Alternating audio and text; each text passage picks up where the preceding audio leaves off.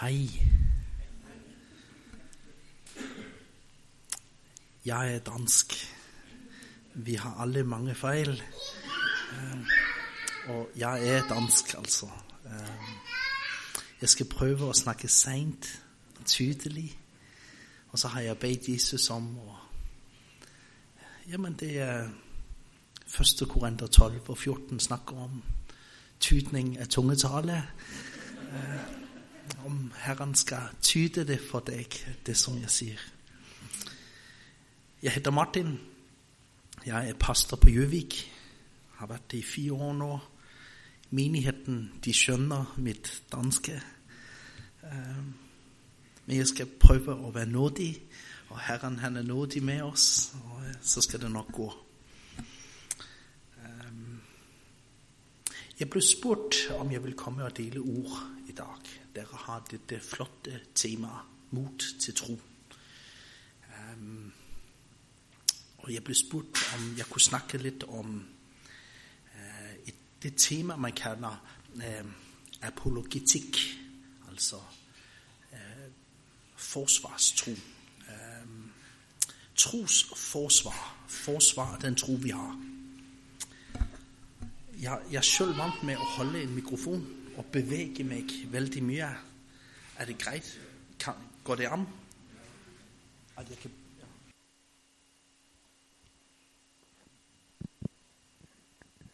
Jeg beveger meg veldig mye på Gjøvik. Springer fram og tilbake. Jeg skal prøve å beherske meg her. Nei, jeg ble spurt om, om jeg kunne snakke om trosforsvar ut ifra et juridisk ståsted. Eh, yrke er Jeg er oprindelig jurist, Uddannet jurist i Danmark.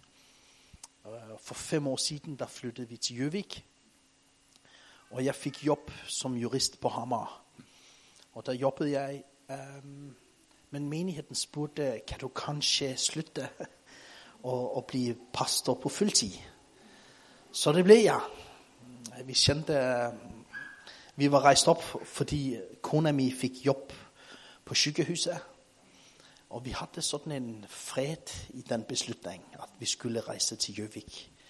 Men jeg skjønte ikke helt hvorfor. Dansk jurist på Jøvik Jobber på Hamar. Det gav ikke rigtig mening. Men den dag jeg blev indsat i menigheten, så skjønte jeg hvorfor vi var på Jøvik. For det handlede ikke om oss. Det handler om de flotte folk der er i det her området, i det her land. Selv på Jøvik. Flotte folk som, øh, som trænger at vokse i troen. Som trænger at lære deres identitet i Jesus. Hvem er jeg i Kristus? Og hvad har jeg i Kristus? Så jeg blev spurgt lidt, om jeg kunne snakke om trosforsvar ud fra min baggrund som jurist. Um, hvor kommer troen fra? Er der, er der noe Er der noe um, øh, utenover øh, det vi liksom ser? Ligger der en, er det en grunnsannhet? Og det er det. Um, øhm, skal vi ikke starte med å lese opp fra Skriften? Hvis du slår opp på Hebreabrevet, kapittel 12. Og Bjarne, du var jo helt fantastisk til å lese opp. Du har sådan en flot framføringsstemme. Så jeg lurer på om du kanskje kan komme opp og lese Hebreabrevet, kapittel 12, vers 1-3. Og før Bjarne gjør det, så kan jeg jo fortelle litt om bakgrunnen for Hebreerbrevet. Det ligger sakens natur. Det heter Hebreerbrevet. Det er et brev til hebreerne. Jamen, er det da ikke til mig? Jo, jo, hele boken er til deg, bare rolig. Men brevet er faktisk skrevet til de jøder som var forfulgt, rejst ud i hele verden, faktisk. De hebræere, som var ute. Og forfatteren hmm, Hvem er forfatteren af hebreerbrevet? Vi ved det ikke. Ehm, tror det er Pavlus, noen tror det er Barnabas. Det giver ikke helt mening, for de var jo apostle til hedningerne. Hvorfor vil de skrive et brev til hebræerne? Men de fleste øh, bibelkommentatorer, de tror faktisk, at det er en ung mand, som hed Apollos, som har skrevet Hebræerbrevet. Nu skal vi høre, hvad der står her. Øh, jeg skal komme tilbage til, hvorfor jeg nævner Apollos som forfatter af det, vi skal læse nu. Jeg ved ikke, om han er forfatter, men mange tror det. Men det, vi tager udgangspunkt i nu, det er Hebræerbrevet kapitel 12, vers 1-3.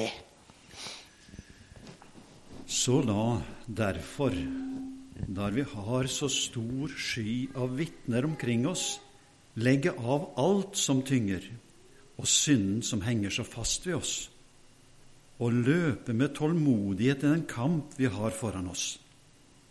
Med blikket festet på Jesus, han som er troens opphavsmann og fullender. For å oppnå den glede som ventet ham, led han tålmodig korset uten å akte vanæren, og har nå satt seg på høyre side av Guds trone. Ja, gi akt på ham som utholdt en slik motstand fra syndere, for at dere ikke skal gå trett i deres sjeler og bli motløse. Og have blikket festet på Kristus og se på Jesus. Og være optaget af Jesus. Og være funderet i Jesus. Kigge på ham. Være optaget af ham. Se, det er mut til at tro. Det er et godt udgangspunkt, når vi snakker trosforsvar. Og have blikket festet på Jesus. Jeg tror kanskje ikke, der er noget, der er mere vigtigt, end at være rotfæstet, funderet, bygget på ham, som skriften siger. Når det er vanskelige tider, også når det er gode tider, og se på ham, og være fokuseret på ham, og være optaget af ham. Trosforsvar. Jo, vi finder det i Bibelen. Vi finder flere pladser. Øhm, både Paulus og Peter opfordrer os til og forsvare troen. Passe på troen. Kunne forsvare. Argumentere sin sak. Men jeg ved ikke med deg. Det er ikke ofte man står i en krangel, en diskussion, og skal forsvare sin tro. Og så oplever folk Jesus, wow, og så giver de deres liv til Jesus, fordi at du vant en diskussion. Det er ikke ofte. Det er meningen, at vi skal kunne forsvare vores tro. Vi skal vide, hvad vi tror på. Forsvare den for os selv. Forsvare den mod vranglærer. Og forklare troen. Det er veldig bra. Ofte når vi snakker øh, apologetik, så hiver man det her vers frem i øh, 1. Peter 3,15. Vær altid klar til at forsvare, når nogen kræver dere til regnskab, står der. Ikke sant? Ja, vi skal det. Men læser vi det i sammenhængen, læser vi det hele kapitlet, det som Peter han skriver, så snakker han faktisk om det at lide for evangeliet sin skyld.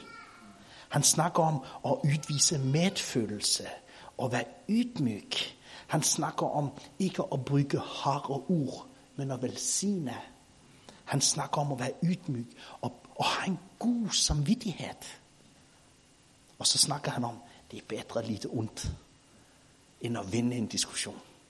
Og så siger han det her. Så det er i den sammenhæng, vi skal forstå, at når vi forsvarer vores tro, for eksempel på arbejdspladsen, så kan man vinde en diskussion, men man taber et mennesket. Jeg ved ikke med dig, har du nogle gange stået enten i de evangelisation, eller øh, jeg har gået vældig mye på gaten i Danmark. Jeg, jeg havde to år, hvor jeg gik på vældig mye på gaten med stort kors og flyers og Jesus t-shirt. Og, og en gang iblandt, når man evangeliserede, så vandt man en diskussion. Men man kjente, man tabte personen. Man kendte en der man fik sådan lidt, ikke dårlig samvittighed, men det kjentes ikke bra. Så har jeg også prøvet at tabe en diskussion, men vinde personen. Så det er ikke altid, vi skal kunne forsvare vores tro for os selv, imod vranglærer, forklare den for andre, ja, men vi skal ikke bruge vores tro til at slå andre folk, til at dominere en diskussion. Vi skal kunne forsvare den. Og hvordan forsvarer vi det? Der er, jeg har mange eksempler på det, der står i Bibelen. For eksempel det her i Korintherbrevet kapitel 4, hvor der står, øh, lad der være lidt salt i deres ord. Uha. Du er en synder. Omvend dig. Vi tænker ofte på det her, ikke sant vel? Hvad er det, Paulus han mener, når han skriver, har lidt salt i deres ord? Well, læser vi det i en sammenhæng, så siger han, gå frem med visdom. Åh, vær snill, vær venlig, og lad dig være salt i dit ord. Og det her med salt, det er lidt rart. Hvor er det, vi finder salt i Bibelen? Første gang, vi finder salt, sådan, hvor det er omtalt, så er det den her saltpagt i Gamle Testamentet. Gud indgår en, den gamle testament. Det her, det hedder tabernakle. Der vet sikkert alt om det her. Men det offer, der blev gitt i tabernaklet, det skulle saltes. Det var et symbol på den pagt, der er mellom Gud og oss. Der er en pagt for rømmelsen hvad siger man? For råtnelsen? Når det er råttent, så bruger man salt. Den gang brugte man salt.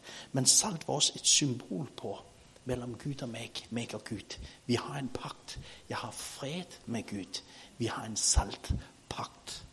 Og når Jesus i Markus 9 han, han bruger det her ord um, der være salt i dere, og hold fred med hverandre. Så siger han det faktisk i en sammenhæng, hvor der er krangel, hvor der er diskussion. Og så siger han lad der være salt i dere. Saltet må være frisk. Hvad er saltet et symbol på? Fred mellem Gud. Fred med Gud. Guds nåde, den pakt vi har. Det handler ikke om at vi skal spre salt i såret, som man siger på dansk. Siger man det her? Og, og kaste salt i såret. Nej, salten, det er pakten med Gud. Lad der være salt i ordene. Nåde, nåde. Stoppe forrottelsen. Stoppe ondskab. Lad der være nåde i ordene. Jeg har masse, masse eksempler på det her, med hvor Skriften sier Vi tar et vers ud. Men i sammenhengen så handler det faktisk om at vi må ha et ydmygt hjerte. Vi skal vinde folk, ikke vinde en diskusjon. Vi skal vinde mennesket, selv om vi forsvarer vår tro. Vi er trygge ved hvad vi tror på. Vi er sikre på det vi tror på. Se, øh, Gud han har lagt evigheten ned i vores hjerter. Han har lagt hans liv ind i mennesket. Du læser om det i Prædikernes bok, kapitel 3. Du læser om det i Romerbrevet 1. Eh, øh, Paulus han er veldig klar derpå. Vi, folk kender Gud. Folk de ved Gud han er til. Det ligger intuitivt i naturen Gud er til. Ligevel så ærede de ham ikke, ligevel så ville de ikke. ligevel så bevisst gik man væk fra det. Du kan ta et barn, et lite barn. De ved umiddelbart at der findes en Gud. De skal lære at Gud ikke findes næsten. Ikke sant vel? Du kan se i alle verdensdeler hvor der er folk der bor fjernt fra andre, det ligger umiddelbart at søge Gud, tilbe en Gud. Men naturen, den forfaldne natur, tar over, ikke sant? Romerbrevet 1 Apostlenes Gerninger kapitel 14, Apostlenes Gerninger kapitel 17. Der er mange eksempler på det her med det ligger intuitivt i folk. Gud, han er faktisk til. I jussens verden snakker man jo om regler, lovgivning. Eh, de første lovgivere som man kender til, de snakkede om jamen vi skal have et lovverk, vi skal lage regler. Men lad os starte med at nedfælde de regler, som der ligger i vores natur, eller som der ligger fra vores skaber, eller som der ligger fra Gud eller gyder eller naturen. Lad os starte med de regler, som der bor inde i. Du må ikke slå ihjel. Du må ikke stjæle. Veldig enkelt på en måde. De første folk der lagde lovgivning, de gik ud ifra skaberens lov. Og man har alltid sagt innenfor et område jamen, vi skal ha noen, en lovgivning, vi skal ha noen regler.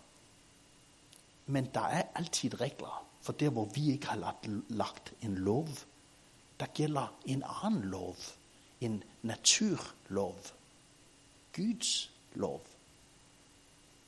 Så det har man altid snakket om. I jysens verden har man altid i historien, gennem historien, har, har man kaldt de her folk for naturretstænkere. Som der siger, vi har en lovgivning, ja, men ved siden af den, eller under den på en måde, der ligger Guds lov, eller naturens lov.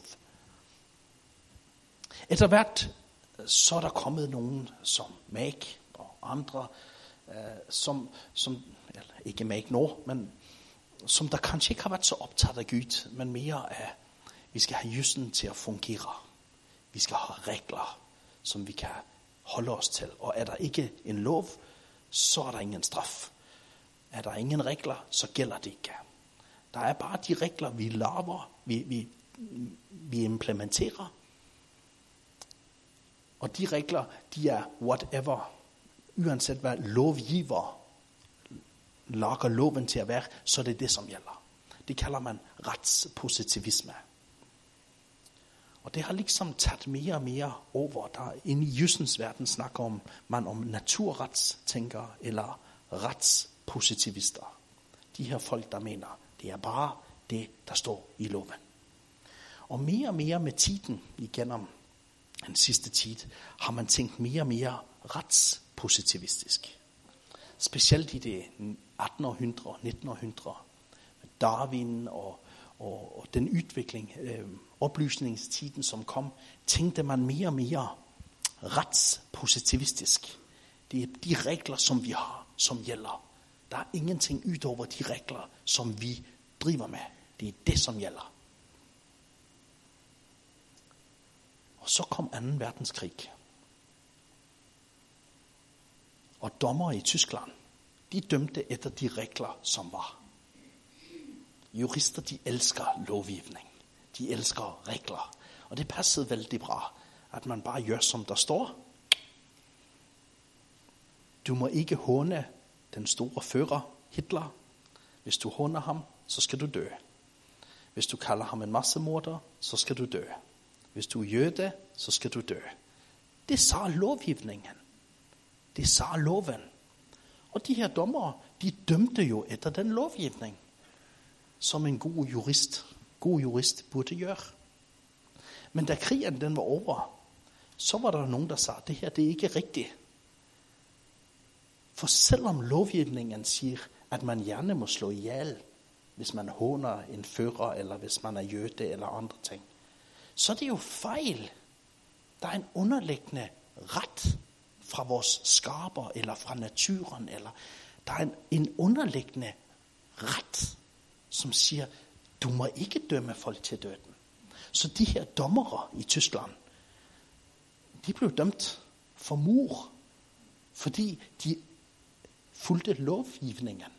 For lovgivningen var fejl. Der var en underliggende, rigtig en retfærdighed, en ret fra skaberen, eller fra naturen, som man kalder det i Justens verden. Okay.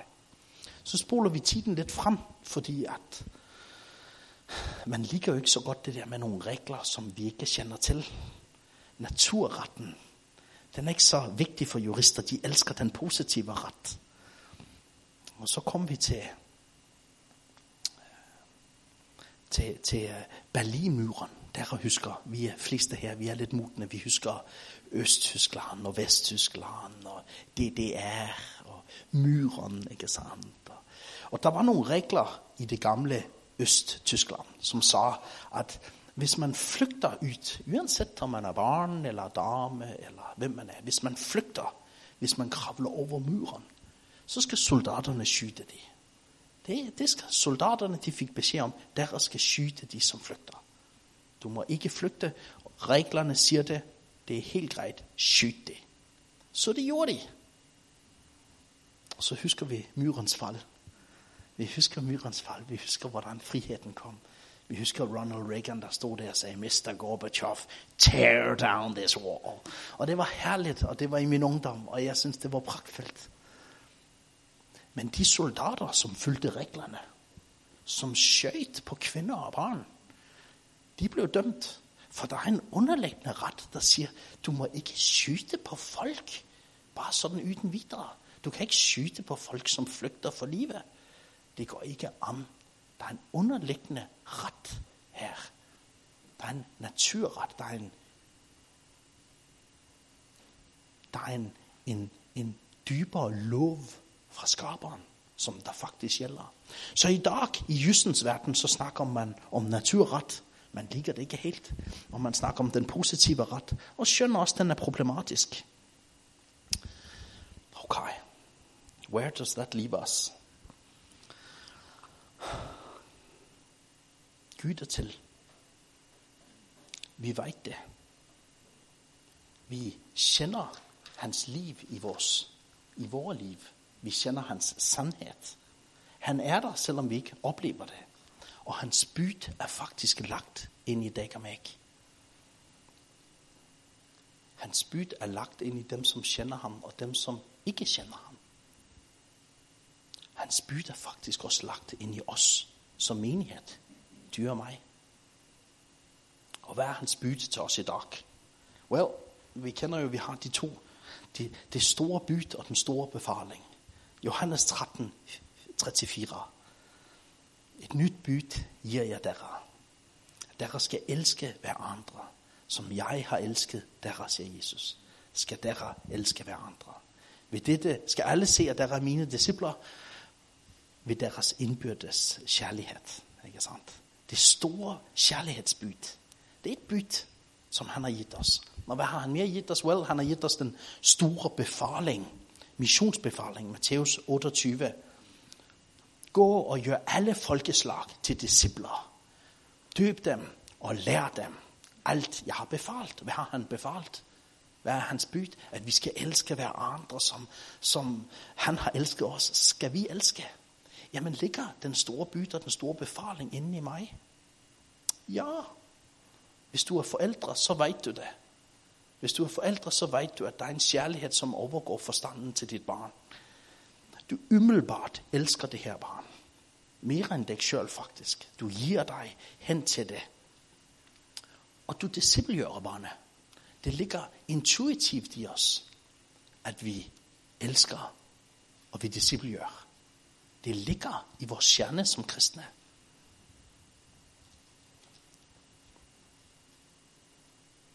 Jeg har bedt over at øh, jeg blev inviteret til at komme og snakke her. Så Herre, har du noe at sige til de her folk? Og jeg kjente ja. Jeg kjente jeg fikk et ord til dere. Jeg kjente at Herren han, han liker dere veldig godt. Og han har lagt det store bud og den store befaling ned i deg. Det ligger i ditt hjerte. Ja, men Martin, jeg, øh, jeg kan ikke disippelgjøre noen. Jeg kan ikke gjøre så jeg Jamen, jeg har et ord til dig i dag. Jeg kjenner Herren, han har faktisk minnet meg om eh, det å elske og det å gjøre disipler. Det, er, det går veldig dypt. Det går veldig, veldig dypt. Og det er faktisk en del av ditt liv. Det er faktisk en del av ditt kall. Jeg kjente Herren han minnet meg om apostlenes gjerninger, kapittel 18. Det var veldig rart. Jeg tenkte jamen det er da ikke øh, noe spesielt. Jeg blev mindet om øjer. Menigheden i øjer og apostlenes gerninger 18. Og er du her i dag, og du er plus 50, så skal du kanskje gå hjem og meditere lidt på apostlenes gerninger, kapitel 18. Læs det en 3-24 ganger. Øhm. I Apostlenes gjerninger kapitel 18 der læser vi om Paulus. Paulus der er ute og rejse. Og så træffer han to personer. Han træffer et ægtepar, som heter Priskilla og Akvilas. De kunne også ha hettet øh, Bjarne, eller de kunne have hettet uh, øh, Svein, eller Arne, eller ditt navn. Paulus han mødte et ægtepar. Et vanligt ægtepar. De var jøder. De kom fra Roma, og de var blevet kastet ud af Italia. De måtte ikke være der fordi de var jøder. Og de lagde telter. Og Paulus, han var der, den store profeten Paulus. Og hvad gør Priskilla og Aquilas? De tager sig af ham. De betjener ham. Han får lov til at bo hos dem. Og han, De driver med telter, og han jobber sammen med dem. De tager vare på de tager vare på den store Paulus, Priskilla og Aquilas. Paulus han øh, starter en, øh, en bibelskole, kan man faktisk sige. I halvandet år underviser han i Tyrannus' skole. Og øhm, han bor troligt fremdeles hos de. Vi læser lidt senere, at, at han rejser på missionstur tilbage til den menighed, som har sendt ham ud. Den menighed i Syria, som hedder Antiochia menigheden. Og der rejser de med. De, de er med på tyren. Priskilla og Aquilas. Paulus han rejser videre, og pludselig så kommer den her unge mand. En ung, stærk forsønder.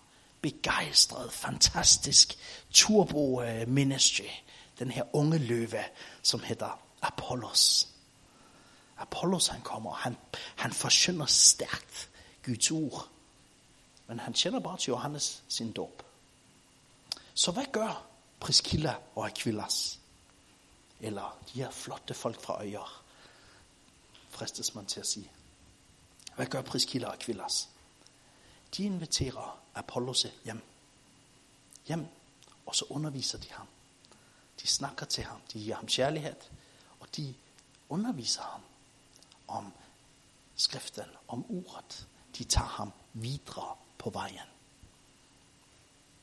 Senere så skriver han kanskje det her, vi netop har læst, og har øjnene fokuseret på Jesus. Det her fantastiske brev, Hebræerbrevet, var kanskje ikke blivet til. For det er så fyldt med visdom, det er så fyldt med Jesus. Det er så fyldt med sandhed.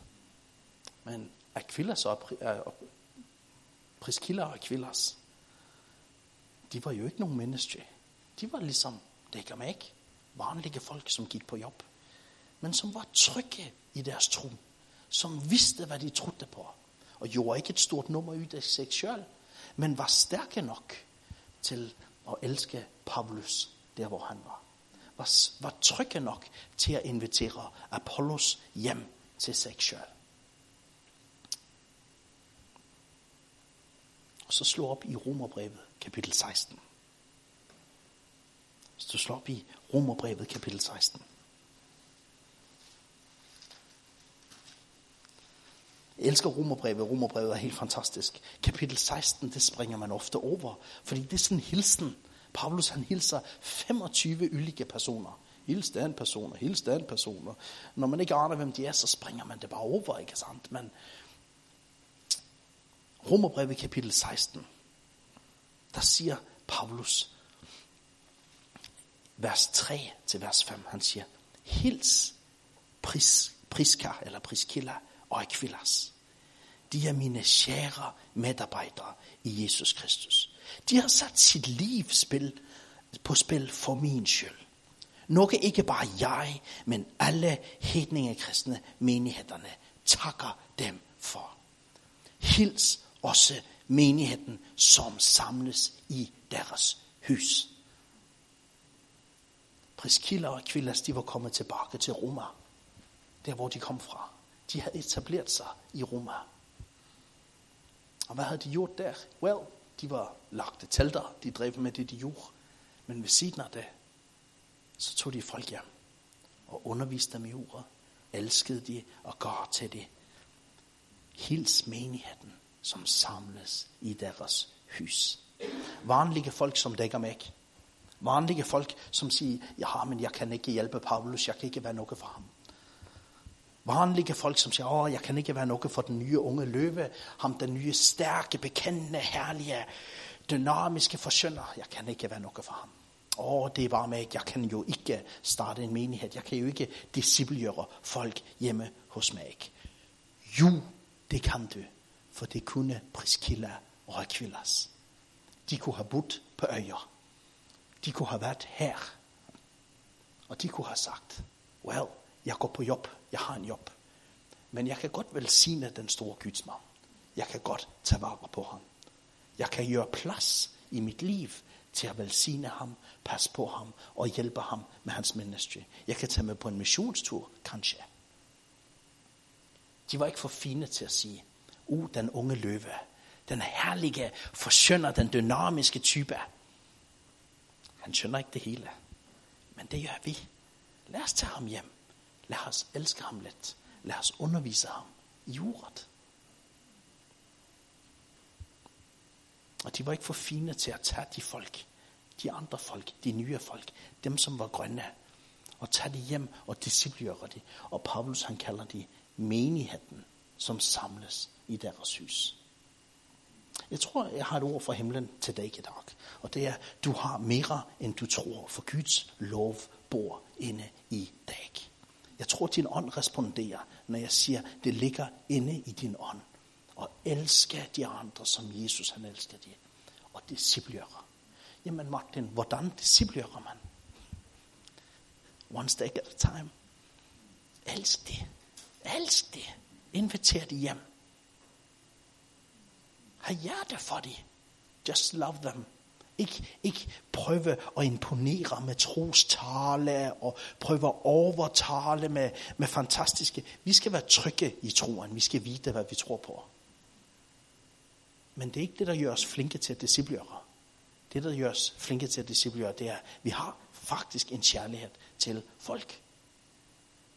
Jeg har besluttet mig for at slutte at vinde diskussionen. Jeg har besluttet mig for at vinde dem.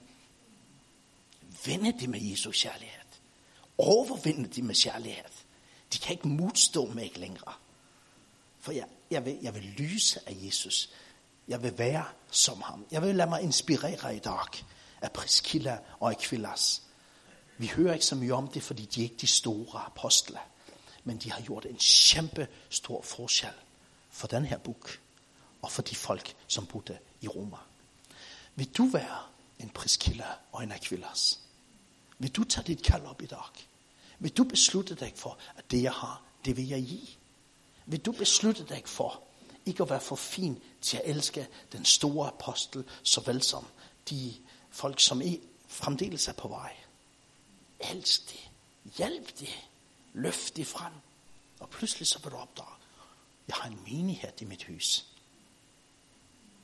It's wonderful. Det er vidunderligt at tjene Jesus. Og se, hvad han gør, når vi giver ham plads. Når vi giver ham rum. Lad hans byt, som bor i dit indre, vinde frem. Beslut dig for at være en Priskilla og en Aquilas her i øjer. For det tror jeg faktisk Gud han har kaldt dig til at være. Amen. Skal vi bede sammen? Så kan vi kanskje spille, synge en sang etterpå. Far i himlen, jeg takker dig, fordi du er så god imod os. Du er en god Gud. Og jeg takker dig, fordi du giver os mod til tro. Du giver os tryghed i troen. Vi hviler i dig. Og vi ved, hvad vi tror på, for vi kender dig, Herre. Men jeg takker dig, fordi du tager os videre. Du tager os ind i et liv med dig. Du tager os ind i et liv, hvor, vi, hvor, hvor din kærlighed strømmer igennem os, og hvor vi kan være noget for nogen. Vi kan begynde at discipliere nogen, høj og lav. Vi vil elske de herre. Herre, vi vil stille os til rådighed for dig. Herre, tag det vi har. Tag vores hjem. Tag, tag, tag vores hus og gør det til din menighed. Vi beder om det i Jesu Kristi navn. Amen. Må Gud velsigne